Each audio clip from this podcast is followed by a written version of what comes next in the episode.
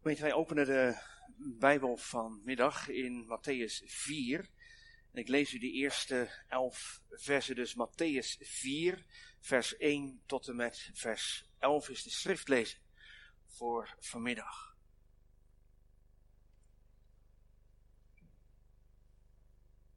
En jongens en meisjes, als jullie een heel klein beetje bekend zijn met de Bijbelse geschiedenis, dan weet je wel dat de Heere God het volk van Israël door een aantal wonderen iets duidelijk wilde maken. Hij wilde ze duidelijk maken dat hij hen uit Egypte wilde weghalen. Hij wilde ze verlossen. En eigenlijk begon die geschiedenis zo'n beetje met een farao waarvan de Bijbel zegt die heeft Jozef niet gekend. Als je dat letterlijk leest, dan staat er eigenlijk hij wilde de geschiedenis van Jozef niet kennen. Hij had er geen behoefte aan om te horen dat het volk van Egypte gered was door een Jood. En hij liet de Israëlieten heel hard werken, want het volk werd te machtig. En toen het niet hielp, liet hij alle kleine jongetjes, Israëlitische jongetjes, in de Nel werpen, de rivier, en doden. En dat verhaal, dat kennen jullie. Maar er was één vrouw en die verstopte haar zo. Maandenlang. En toen het jongetje wat groter werd en steeds harder begon te huilen, toen, toen kon ze het niet meer verstoppen voor de soldaten. Toen moest ze iets anders verzinnen. En, en ze maakten een mandje en ze smeerden het in met pek aan de binnen- en aan de buitenkant, een ark. En ze legde haar zoon erin. En ze legde dat mandje met dat kindje tussen het riet, zodat het niet meegevoerd werd met de stroom van de Nijl.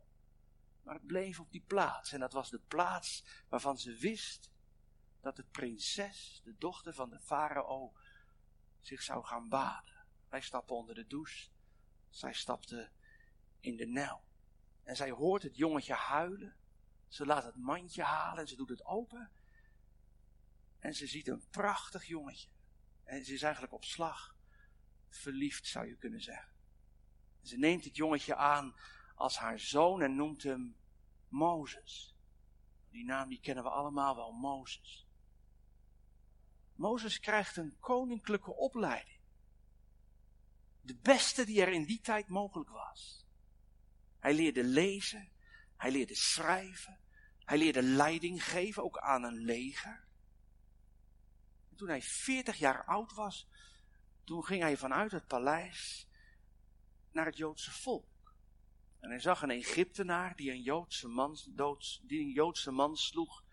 En Mozes werd zo kwaad, zo driftig, dat hij die Egyptische man doodsloeg. En toen moest hij vluchten voor de farao. 40 jaar Egypte. En toen moest hij 40 jaar lang in de woestijn wonen. Hij vond er werk als schaapherder. Hij trouwde met de dochter van Jethro. En in die veertig jaar leerde hij hoe hij moest overleven in de woestijn. En na veertig jaar woestijn riep de Heere God Mozes. Want de tijd was gekomen om Israël te verlossen. Mozes moest terug naar Egypte. Na tien plagen laat Farao Israël gaan. En zo verlost de Heere zijn volk Israël. Veertig jaar lang zwerft Mozes met het volk door de woestijn. Op weg naar het beloofde land. Veertig. Komt dat steeds weer tegen. Veertig jaar in Egypte. Veertig jaar in de woestijn. Als schaapherder. Veertig jaar met het volk in de woestijn. Veertig een belangrijk Bijbels getal. En dat zie je dus niet alleen in de geschiedenis van Mozes, maar, maar het komt eigenlijk de hele Bijbel door terug. Het begint al aan het begin. Veertig dagen en veertig nachten regende het bij de zondvloed. Toen de duif een takje had gebracht naar Noach in de ark, wachtte Noach nog veertig dagen voordat hij uit de ark stapte. Mozes verbleef veertig dagen op de berg Sinaï en pas toen kreeg hij de tien geboden.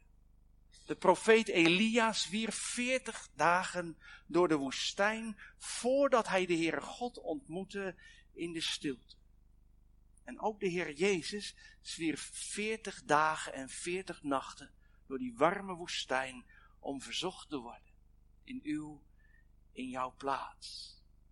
Wij lezen over die veertig dagen die de Heer Jezus in de woestijn doorbrengt in Matthäus 4. Als je kunt, lees dan maar mee. Matthäus 4. Toen werd Jezus door de geest weggeleid naar de woestijn om verzocht te worden door de duivel. En nadat hij veertig dagen en veertig nachten had gevast, kreeg hij tenslotte honger. En de verzoeker kwam bij hem en zei, als u Gods zoon bent, zeg dan dat deze stenen broden worden. Maar hij antwoordde en zei, er staat geschreven, de mens zal niet van brood alleen leven, maar van elk woord dat uit de mond van God komt. Toen nam de duivel hem mee naar de heilige stad en zette hem op het hoogste gedeelte van de tempel. En hij zei tegen hem, als u de zoon van God bent, werp u zelf dan naar beneden. Want er staat geschreven dat hij zijn engelen voor u bevel zou geven, dat ze u op de handen zullen dragen, opdat u uw voet niet misschien aan een steen stoot. En Jezus zei tegen hem, er staat eveneens geschreven, u zult de Heer uw God niet verzoeken.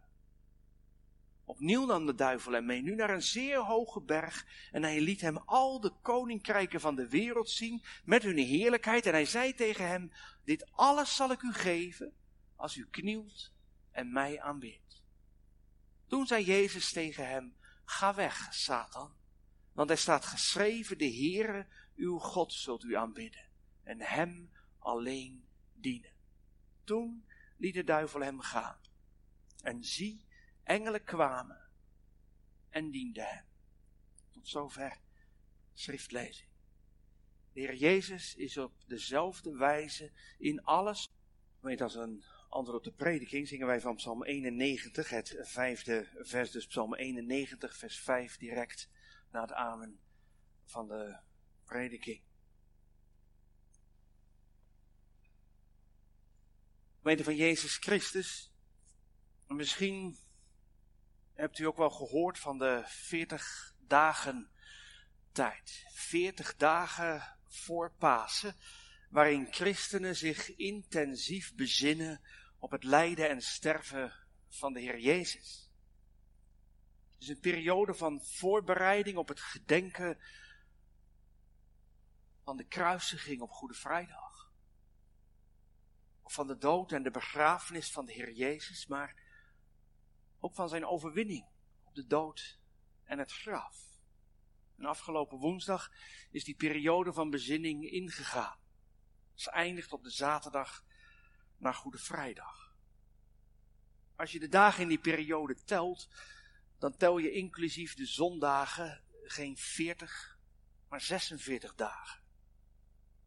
Want de zondag, dat is een feestdag. En op een feestdag dan ga je niet vasten, maar dan vier je. En daarom zijn wij in de kerk, wij vieren in de kerk. Je telt de zondagen dus niet mee bij de 40 dagen van bezinning. 40 dagen van bezinning en onthouding, van intensief zoeken naar God. Of zoals Mozes op de Horeb, en bij God verblijven, bij God in de buurt blijven. 40 dagen van intensief zoeken van God, naar de weg van God in je leven, of 40 dagen gewoon bij God blijven, dicht bij Hem leven. Iedere dag opnieuw biddend, vastend of sober levend. Om je in de hectiek van het leven, in de drukte van onze tijd, vooral op God te richten. En te zoeken naar antwoorden.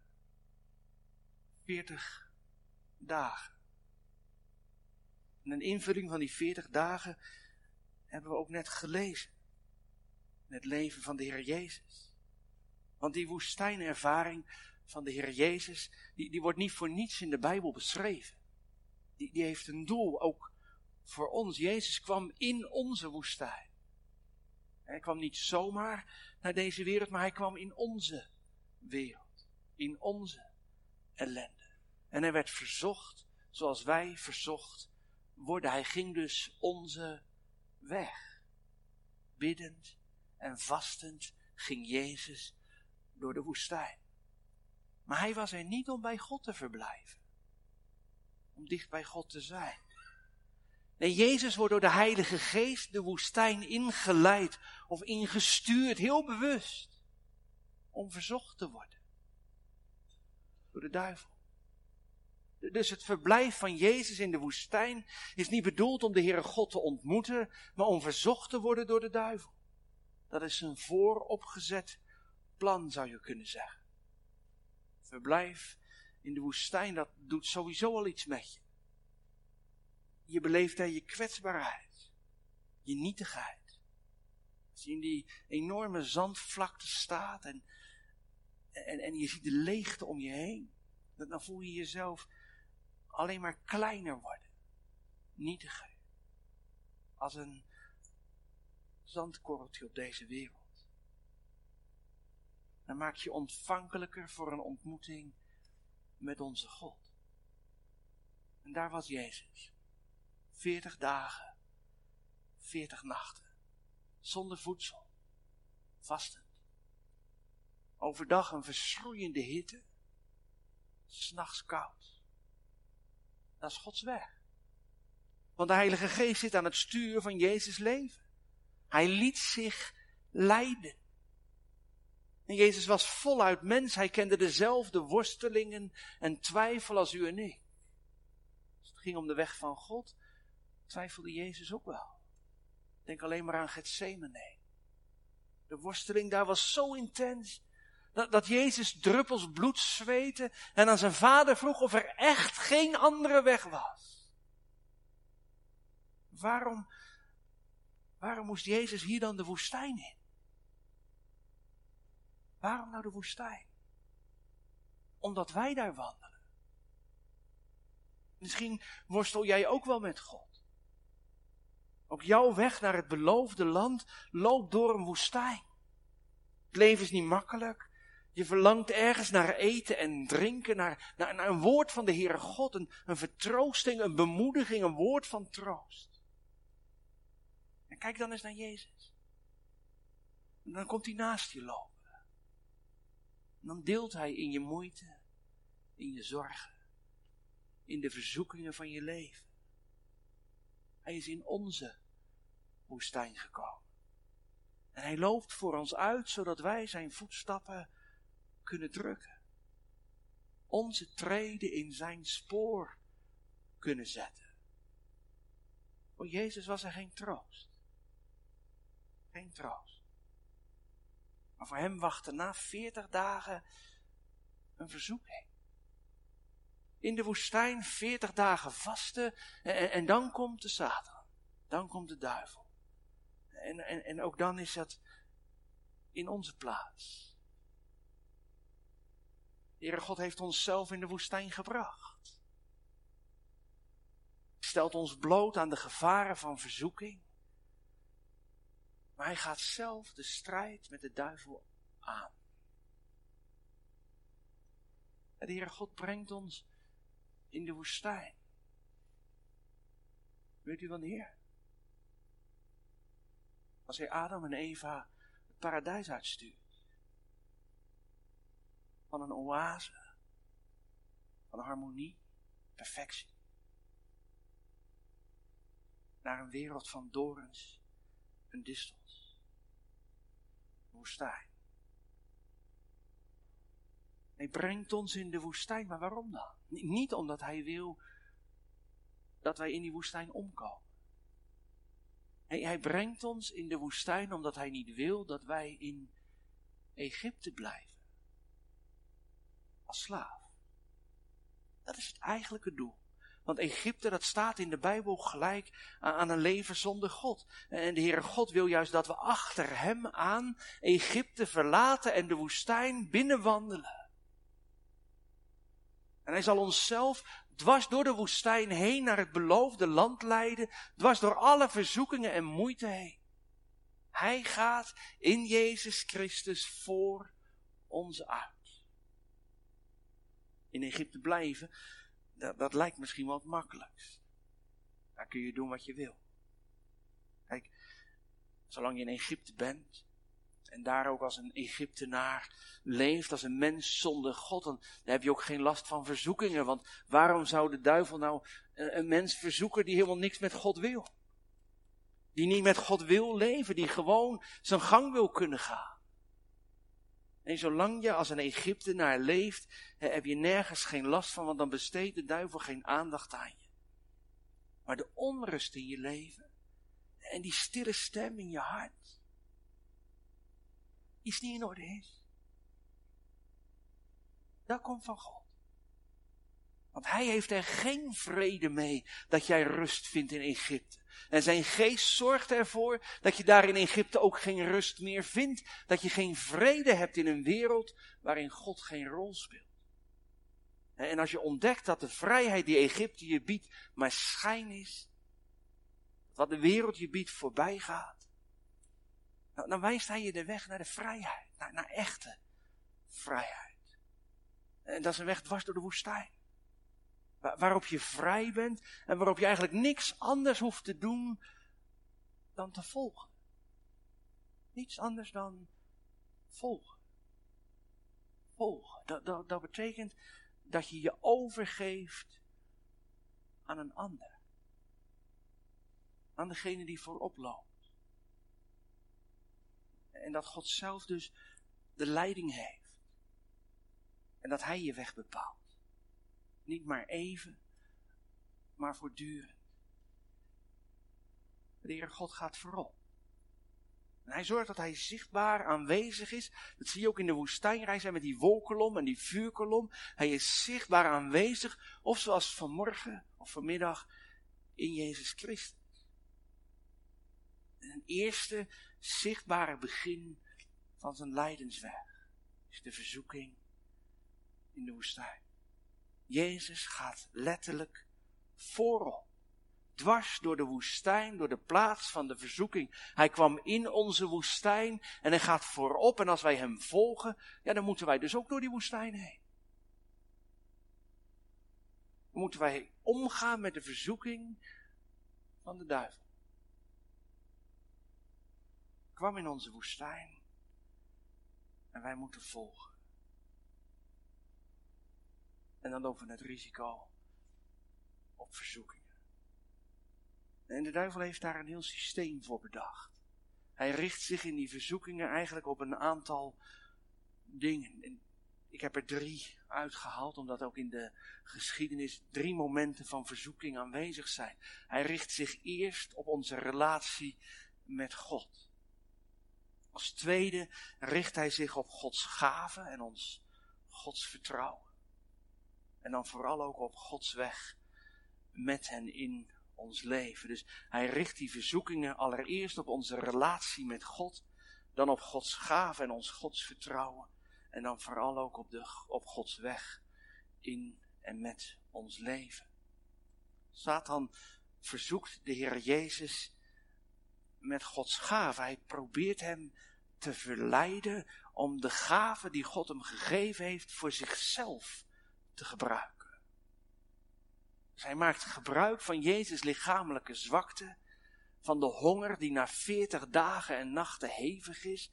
En, en dan, dan zie je dat de duivel weet wat hij doet. Hij kent Jezus. Hij weet ook welke gaven de Heer Jezus heeft, wat hij allemaal kan. Hij weet dat hij van stenen best brood kan maken. En zo zijn eigen honger kan stillen.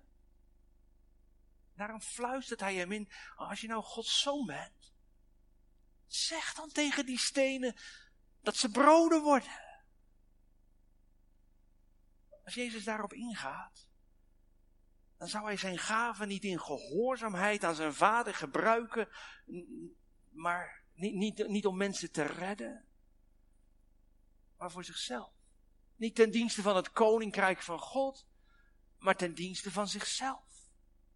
En iedere gelovige heeft gaven gekregen van God om ze in te zetten voor de uitbreiding van het koninkrijk van God. Niet allereerst voor jezelf. Allereerst voor dat koninkrijk. en voor die ander. En dat weet Gods tegenstander ook. En, en, en daarom probeert hij ons te verleiden om onze gaven verkeerd te gebruiken. Om op een verkeerde manier te gebruiken.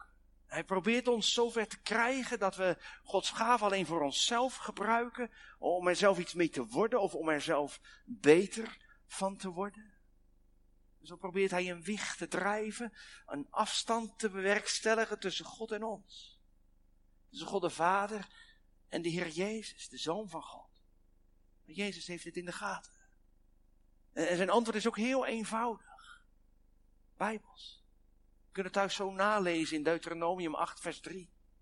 De mens zal niet van brood alleen leven, maar van elk woord dat uit de mond van God komt. Het gaat in ons leven niet om brood. Het gaat in ons leven om God. Het gaat in ons leven om het woord van God en om de wil van God. Want waar de wil van God gedaan wordt, daar is het koninkrijk van God. Waar de wil van God gedaan wordt, is zijn koninkrijk. Dan kan ook in ons leven die verleiding de kop opsteken om Gods gaven verkeerd te gebruiken, te misbruiken. En dat kan heel simpel zijn. Als jij overvloed hebt en je weet dat iemand krap zit, dat je hem dan toch voorbij loopt om je geld op de bank te zetten. Of als jij heel goed van de tongriem gesneden bent, makkelijk kunt spreken door de gave van het woord, dat je dan de ander die daar moeite mee heeft, die niet zo makkelijk spreekt, dat je die niet uit laat praten, maar een klem praat. Terwijl die ander met weinig woorden misschien wel heel veel betekent in het koninkrijk van God, met de gave die de Heere God hem gegeven heeft. Bedenk dan dat je die gave van God gekregen hebt met het oog op zijn koninkrijk. Om door het gebruik van die gave aan dat koninkrijk te bouwen. Om de liefde van voor God en de liefde voor mensen vorm te geven. Daar hebben wij onze gaven voor gekregen. En daarom is het ook zo erg als, als christenen lauw zijn. Als, als je niet, niet enthousiast bent voor het koninkrijk van God, maar, maar het eigenlijk maar een beetje laat, laat sudderen. Onze gaven niet volledig inzetten, dat we er niet echt voor gaan, maar mijn mondjesmaat. Dat is ook misbruik van Gods gaven. Je hebt die gaven niet voor niks gekregen. En je kunt je voorstellen dat de boze dan in zijn handen wrijft. Als jij je gaven niet gebruikt, maar begraaft, want hij is bang voor Gods gaven. Hij is bang voor de gaven die God aan zijn gemeente gegeven heeft. En, en, en daarom richt hij in die woestijn ook juist zijn pijlen op die gaven. En, en probeert hij ons als het ware uit te schakelen. Zodat je er niks mee doet. En dat je het allemaal maar een beetje, een beetje blauw-blauw laat. En als het mislukt bij de Heer Jezus. Als Jezus zijn verzoeking pareert, dan, dan zoekt hij een ander doelwit. En dan richt hij zijn pijlen op Jezus Gods vertrouwen. Hij probeert de betrouwbaarheid van de Heer God ter discussie te stellen. En hij daagt de Heer Jezus uit om de betrouwbaarheid van de woorden van zijn vader ook te beproeven. Hij neemt hem mee naar de tempel en hij zet hem daar op een heel hoog punt, waarschijnlijk aan de rand van de tempelberg, zodat je direct in een diepe afgrond kijkt.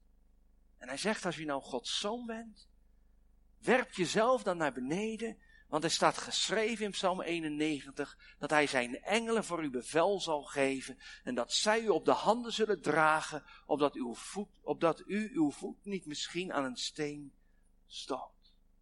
Dat is opnieuw een heel bekend patroon. Het gaat de duivel alleen maar om twijfel. Twijfel aan het woord van God. En het liefst aan God zelf.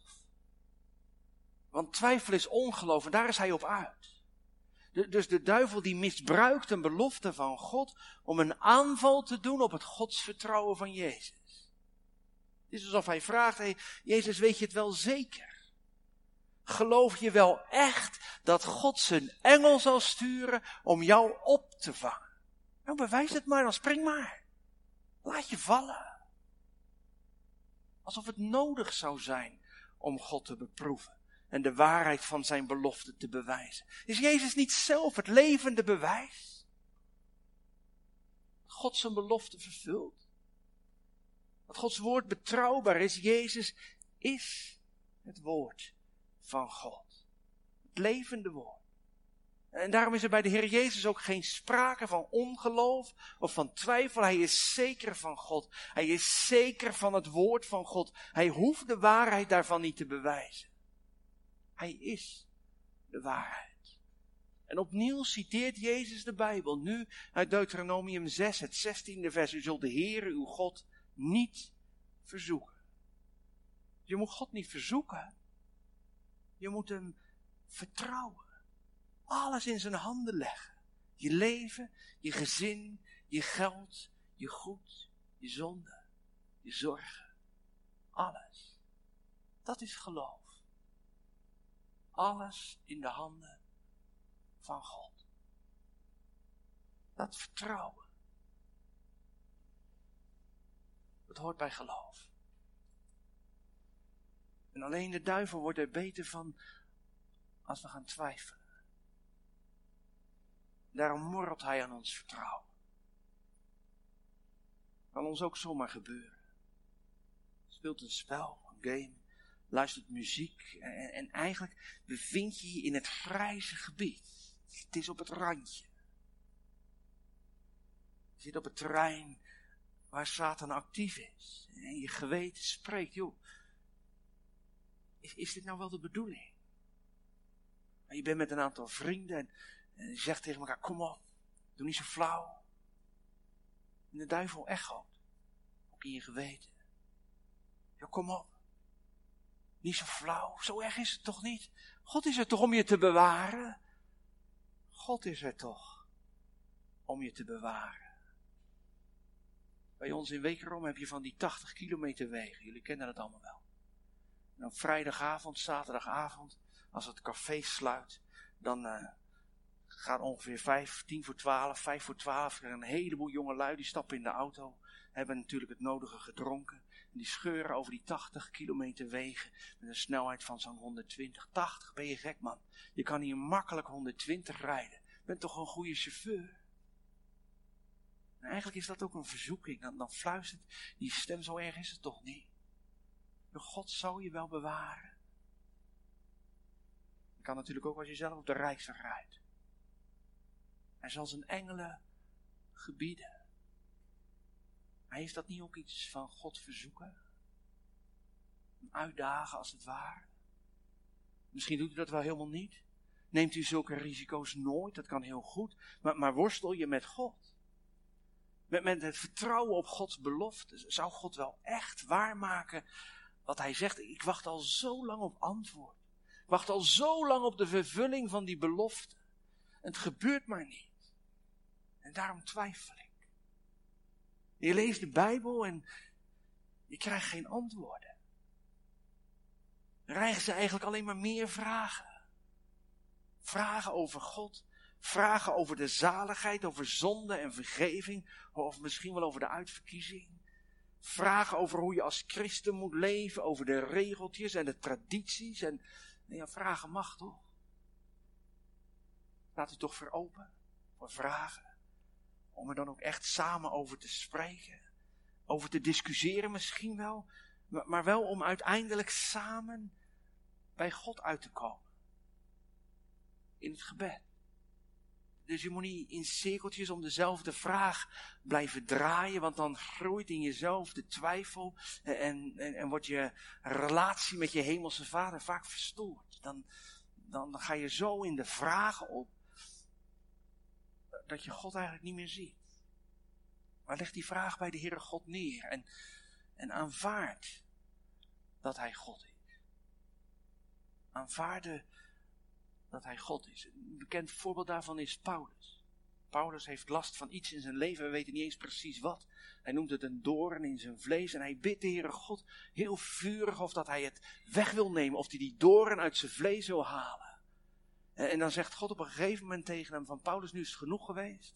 Nu hoeven er niet meer om te bidden. Mijn genade is voor jou genoeg. En eigenlijk zegt de Heere God daarmee, ik ben God. Aanvaard dat nou. Ik ben God. Dus laat die vragen niet zo'n grote rol spelen dat je God er als het ware mee gaat verzoeken. Dat zie ik ook wel bij ons in de omgeving. Misschien is dat hier ook wel zo. Dat de jongeren zijn die er dan op losleven. En, en tegen me zeggen als ik er naar vraag van ja maar dominee als ik uitverkoren ben, komt het toch goed. Dus waarom zou ik moeite doen? Maar zo is het dus niet. Je kunt God op zijn woord vertrouwen. Als hij je vraagt om tot hem te komen. Om je leven in zijn hand te leggen. En je belooft dat hij zal zorgen dat je zijn kind mag zijn. Dan kun je hem op dat woord vertrouwen. En daarom legt de Heer Jezus ook de duivel het zwijgel. Je mag de Heere God niet verzoeken. Maar de duivel geeft het natuurlijk niet op. Want hij is nog niet geslaagd in die verzoekingen op het gebied van de gaaf en het godsvertrouwen van de Heer Jezus mislukt zijn. Nu, nu gooit hij het over een heel andere boeg. En nu gebruikt hij de lijdensweg die de Heer Jezus moet gaan om het koninkrijk van God te vestigen, om hem te verzoeken. En hij neemt Jezus opnieuw mee. Nu naar een hoge berg, men denkt aan de Olijfberg. En hij biedt Jezus een alternatief voor de weg die God voor hem heeft uitgestippeld. Voor die lijdensweg. Hij laat hem alle koninkrijken op aarde zien. De koninkrijken, de rijkdommen. En, en, en dan zegt hij, en dit alles zal ik u geven. Als u knielt en mij aanbidt. Dus zonder dat er lijden aan te pas hoeft te komen. Zonder dat Jezus hoeft te sterven alleen een knieval, één knieval voor de duivel en alles op de aarde ligt onder zijn heerschappij. Maar Jezus bedenkt zich geen moment. Ga weg, Satan, want er staat geschreven in Deuteronomium 6, vers 13. De Heere uw God zult u aanbidden en hem alleen dienen. En zo aanvaarde Heer Jezus de weg die zijn hemelse Vader voor hem heeft uitgestippeld. Lijdensweg de weg naar het kruis. Waarop hij niet alleen zonde en de dood overwint, maar ook de duivel. Jezus wil alleen God gehoorzamen en alles wat hij had in zijn dienst besteden. Hij wil een dienaar zijn. Hij zegt het ook zelf, ik ben niet gekomen om gediend te worden, maar om te dienen. Een dienaar van God en van mensen. De Heer Jezus is niet uit op gestolen macht. Hij is ook niet bereid om de prijs te betalen die de duivel van hem vraagt. Nee, hij weigert voor hem te knielen. Hij weigert hem te aanbidden. Jezus ging liever de strijd met hem aan. Op de weg die God voor hem had uitgedacht. Ook al betekende dat dat hij een hele hoge prijs moest betalen. Dat hij onze verlossing met zijn leven zou betalen. In ons leven kan de weg die God met ons gaat ons, ons best wel eens vatbaar maken voor verzoeking. En dan gaat het niet om, niet zozeer om wereldheerschappij. Het gaat in onze dagen veel meer om zelfbeschikking. Toch mijn leven? Mag ermee doen wat ik wil, toch? Bepaal het zelf wel. Niemand anders hoeft mij te zeggen wat ik moet doen of wat ik moet laten zelfbeschikking. En je kunt daarbij natuurlijk denken aan zaken als euthanasie, abortus, voltooid leven, die hele discussie. Je ziet het ook terug in de discussies rondom de kinderwens van alleenstaande vrouwen, lesbische of homoseksuele koppels. Ik bepaal. Ik wil zelf beschikken. We kennen het voorbeeld ook echt van mensen die een knieval voor de duivel gedaan hebben. Die hem hun leven hebben gegeven in rouw voor macht en roem. En ik noem twee artiesten. Ik weet niet hoe populair ze nu nog zijn, maar van deze twee weet ik zeker dat ze daadwerkelijk hun leven in de handen van de duivel hebben gegeven. Lady Gaga en Keith Flint. Zomaar twee namen. hebben zichzelf aan Satan gegeven. Je kunt ook aan, aan anderen denken. Grote graaiers die in de macht zijn van geld. Maar je kunt ook aan jezelf denken. Want meestal is het knielen voor de duivel helemaal niet zichtbaar in van die grote dingen. Het is juist in, in, in de simpele verleiding. De verleiding om iets mee te nemen zonder te betalen. Of, of om iets te verzwijgen tegen je vrouw of je man, tegen je vader of je moeder. De ene leugen roept de andere leugen op, want ja, je moet je verhaal wel staande houden. En zo kom je langzaamaan in een schemerwereld terecht. Dat is precies waar de duivel je wil hebben. Want daar houdt hij je gevangen. Dat is zijn koninkrijk. Daar houdt hij je onderdanig. En zolang je in die schemerduister in dat Egypte ronddwaalt, dan, dan heeft hij de macht over. En daarom moet je gehoor geven aan die roeping. Aan, aan de roepstem van de Heer Jezus om achter hem aan te komen om hem te volgen, om uit die schemerwereld te stappen in het licht van het evangelie en je leven in het licht van het evangelie te plaatsen. En de Heere God je hele leven te laten doorlichten, te laten zien wie je bent, te laten vergeven wat vergeven moet worden. God wil je verlossen uit de schemerwereld. Hij roept je daaruit weg. Als je gehoor geeft aan de roep van het evangelie, als je vertrouwen hecht aan het woord van God en uit de duisternis tot het licht komt, dan, dan mag je de woestijn in. Dat is een voorrecht. De woestijn in. In de voetsporen van Jezus. Volgen. Dan verliest de duivel zijn macht. En dan rest hem alleen nog verzoeking. Want hij voelt dat hij je kwijtraakt. Daarom verzoekt hij. En daarom is die vraag zo belangrijk: van wie, wie, wie dien jij? Voor wie heb jij je knie gebogen? Voor God? Voor de duivel? Want als je die Heer Jezus volgt en de verzoeking, de verleiding sterk is, dan, dan hoef je niet te knielen. Je hoeft niet te knielen voor de Satan. Al is die verleiding nog zo sterk, dan, dan heeft de Heer Jezus ons de woorden gegeven. Hij heeft ons de woorden in de mond gelegd. Mag je hem naspreken? Ga weg, Satan. Want er staat geschreven, de Heere uw God zult u aanbidden. En hem alleen dienen. En dan druipt de duivel af. Hij weet dat hij verslagen is. Wij ons vastgrijpen aan het woord van God, dan, dan heeft de duivel geen macht. God heeft de macht. En dan lees je in het elfde vers, toen liet de duivel hem gaan. En zie, engelen kwamen en dienden hem. Nog in de woestijn dienden de engelen Jezus. Iets moois, iets om te onthouden. Nog in de woestijn dienen de engelen de kinderen van God. Daar zijn ze voor aangesteld. Veertig dagen van intensief zoeken naar de weg van God in jouw leven. Veertig dagen was Jezus in de woestijn om voor jou een weg te bereiden. Veertig dagen voordat de duivel hem op de olijfberg vroeg om te knielen. Satan verloor die slag. En hij verloor de strijd. Want veertig dagen na zijn opstanding uit de doden staat Jezus opnieuw op de olijfberg.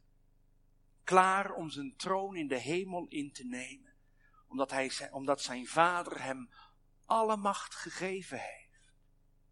Alle macht in de hemel en op de aarde. Alle dat, dat is meer dan Satan hem kon bieden. Die gaf hem de wereld. God geeft hem de hemel erbij. En zijn discipelen aanbaden hem. En wij, veertig dagen hebben we tot het paasfeest. Veertig dagen om Jezus lijden en sterven te gedenken en te komen tot aanbidding. Tot de aanbidding van Jezus Christus, van God de Vader, van de Heilige Geest. Aanbidding van Jezus Christus, aan wie alle macht gegeven is. In de hemel, maar ook hier op de aarde. Ook in die woestijn, waar wij doorheen ploeteren soms. Ook in de moeilijkheden die wij meemaken. In onze worsteling, in onze twijfel, ook daar heeft Jezus alle macht. Daarom aanbidden wij Hem. Sluiten we ons gebed ook vaak af met die woorden, want van U is het koninkrijk en de macht en de heerlijkheid in eeuwigheid. Wat er ook gebeurt in je leven. Hoe moeilijk het soms ook kan zijn. Hoe je ook kunt worstelen met de weg die God met jou gaat door deze wereld. Hou je vast aan deze woorden. Wat aan Hem gegeven is. Alle macht. Alle macht in de hemel. Op de aarde. En bereid je zo dan voor om te vieren waar hij die macht heeft verkregen. Kruis en in het graf. Door op te staan uit de doden. En voor ons niet alleen de zonde en de dood, maar ook de duivel te overwinnen. Jezus Christus is heden dezelfde en tot in eeuwigheid. Hij heeft alle macht. Amen.